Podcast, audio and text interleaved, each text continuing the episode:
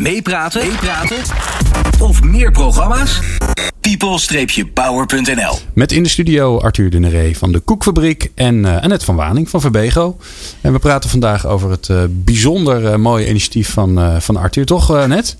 Ja, nee, ja, je hoort me wat weinig, maar ik ben er stil van. Ik vind, nee, ik heb al een paar keer gezegd. Dat zegt heel ja, wat. Ja, dat zegt heel wat hoor, als je mij stil krijgt. Nee, maar we hadden het net ook even over van waarom slaagt het? Hè? Omdat het gewoon echt een, een initiatief is wat uh, specifiek uh, gericht is op uh, deze doelgroep.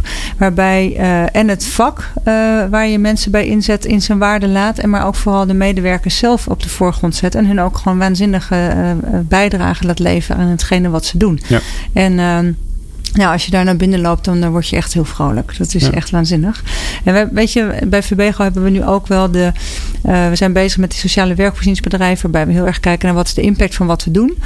Um, en daarin merken we ook en zien we ook dat als je het gewoon uh, specifiek los organiseert van um, nou ja, reguliere schoonmaak, dat je veel meer tijd en aandacht hebt voor het type werk, de type medewerker, de begeleiding. En als dus een dag niet zo goed gaat, nou ja, weet je, dan heb je het begrip uh, dat je het met elkaar oplost.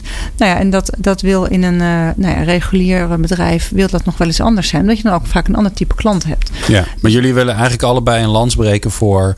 Uh, natuurlijk, hartstikke mooi hè? Als, je, als je mensen met een beperking volledig kan integreren in je bedrijf. Dat is ja. hartstikke mooi. Daar is, daar is ook niks mis mee. Ja. Alleen jullie, ik hoor jullie ook zeggen, ja, daar is te veel aandacht voor. Hè? Het, het, het specifiek maken. Arthur, jij doet dat in, in de koekfabriek. Daar werk je alleen maar met mensen met een beperking die, die die koekjes bakken. Ja. Uh, en je hebt dan ook de zorg daaromheen georganiseerd. Annette, dat doen jullie ook veel uh, in, de, in de samenwerking met de sociale werkvoorzieningen. Om echt specifieke activiteiten te, te ontwikkelen met deze doelgroep. In plaats van uh, het, het door ja. elkaar heen doen.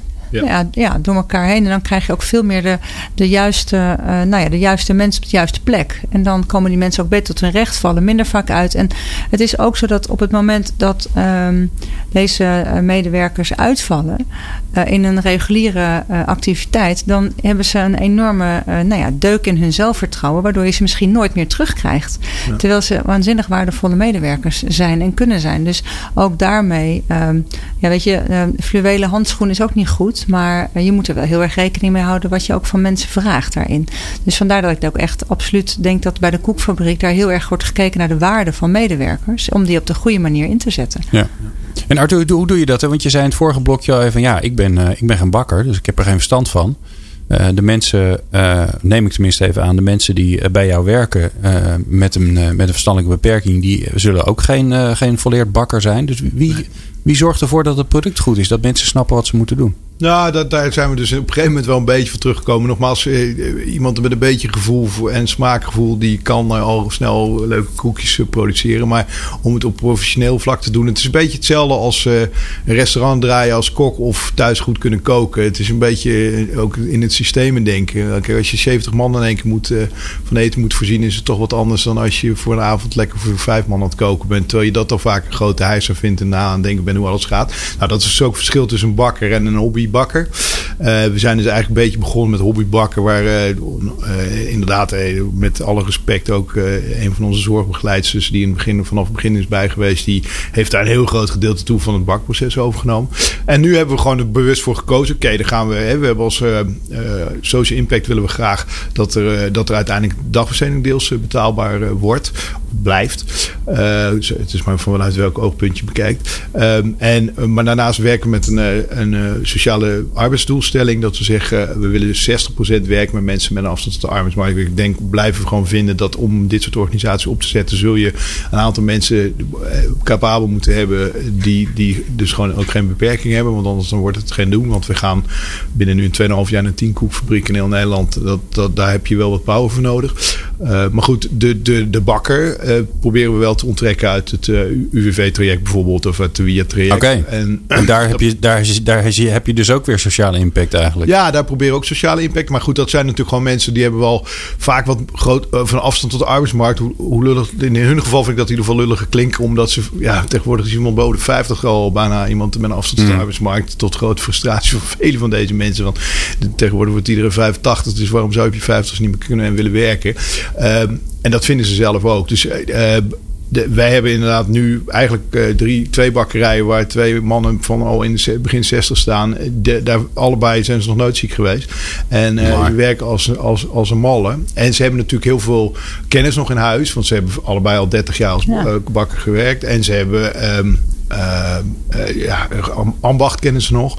Wat, wat veel nieuwe bakkers niet meer weten. Uh, daarnaast, dat moet je ook niet vergeten, is de, de doelgroep met wie ze werken, is natuurlijk wat anders dan een, gewoon een bakkerij. Daar hadden ze gewoon hun collega's en dan werden ze ergens neergezet en dit is je pakketje. Maar nu moeten ze natuurlijk een deel van hun werk bestaat er ook aan dat ze de koekenbakkers, die natuurlijk toch wel een beperking hebben, ook enigszins moeten aansturen in wat ze moeten ja. doen. En voor jou, voor jullie beeldvorming er is vaak een, uh, voor veel van deze mensen geldt dat ze een beperking hebben van een 10, 11-jarige. Dat is niet om alles weer op één hoop te smeren, maar het, het, het, het is geeft een beeld. Het geeft een ja. beeld en waardoor je een beetje weet hoe je ook mensen moet aansturen. Dus je moet met dingen vaker uitleggen, maar ze zijn ook niet koekoek, zeg maar. Hè. Je, mm. Ik heb mijn zoon van de 11, daar ga ik ook niet voor staan. Zeg, je, je koekje maken, koekje maken. Dan, denk ik, dan krijg ik een klap van mijn hoofd. Nou, dat is bij onze koekenbakkers natuurlijk precies hetzelfde. Ja. Hè, dus je, je, moet ze gewoon goed kunnen inschatten wat ze kunnen doen. En dat is ook weer een voordeel van oudere koekenbakkers het zijn natuurlijk deze twee zijn allebei al grootvader. Nou, die, die kun je, die, je moet die het kun je allemaal. Die kun je, precies, die zijn vrij rustig en kunnen het goed uitleggen. En hebben natuurlijk ja. geduld ook met, uh, met de doelgroep, zeg maar. Ja, en, en, en moeten, uh, kan ik me ook voorstellen, moeten vooral ook um, het, het geheel overzien. Ja. Want, want eigenlijk hoeven ze Ze moeten het wel voor kunnen doen, maar ze hoeven zelf niet zoveel meer fysiek in ieder geval niet meer zoveel te doen. Nee, dus daar zit ook een heel duidelijke scheidlijn in. En voor de, de, we hebben eigenlijk drie mensen die bij ons in, in het uh, model staan. Dat is de zorgbegeleidster meestal, die de zorg begeleidt van een groep mensen. We hebben meestal zes tot acht cliënten die er werken en koekenbakkers.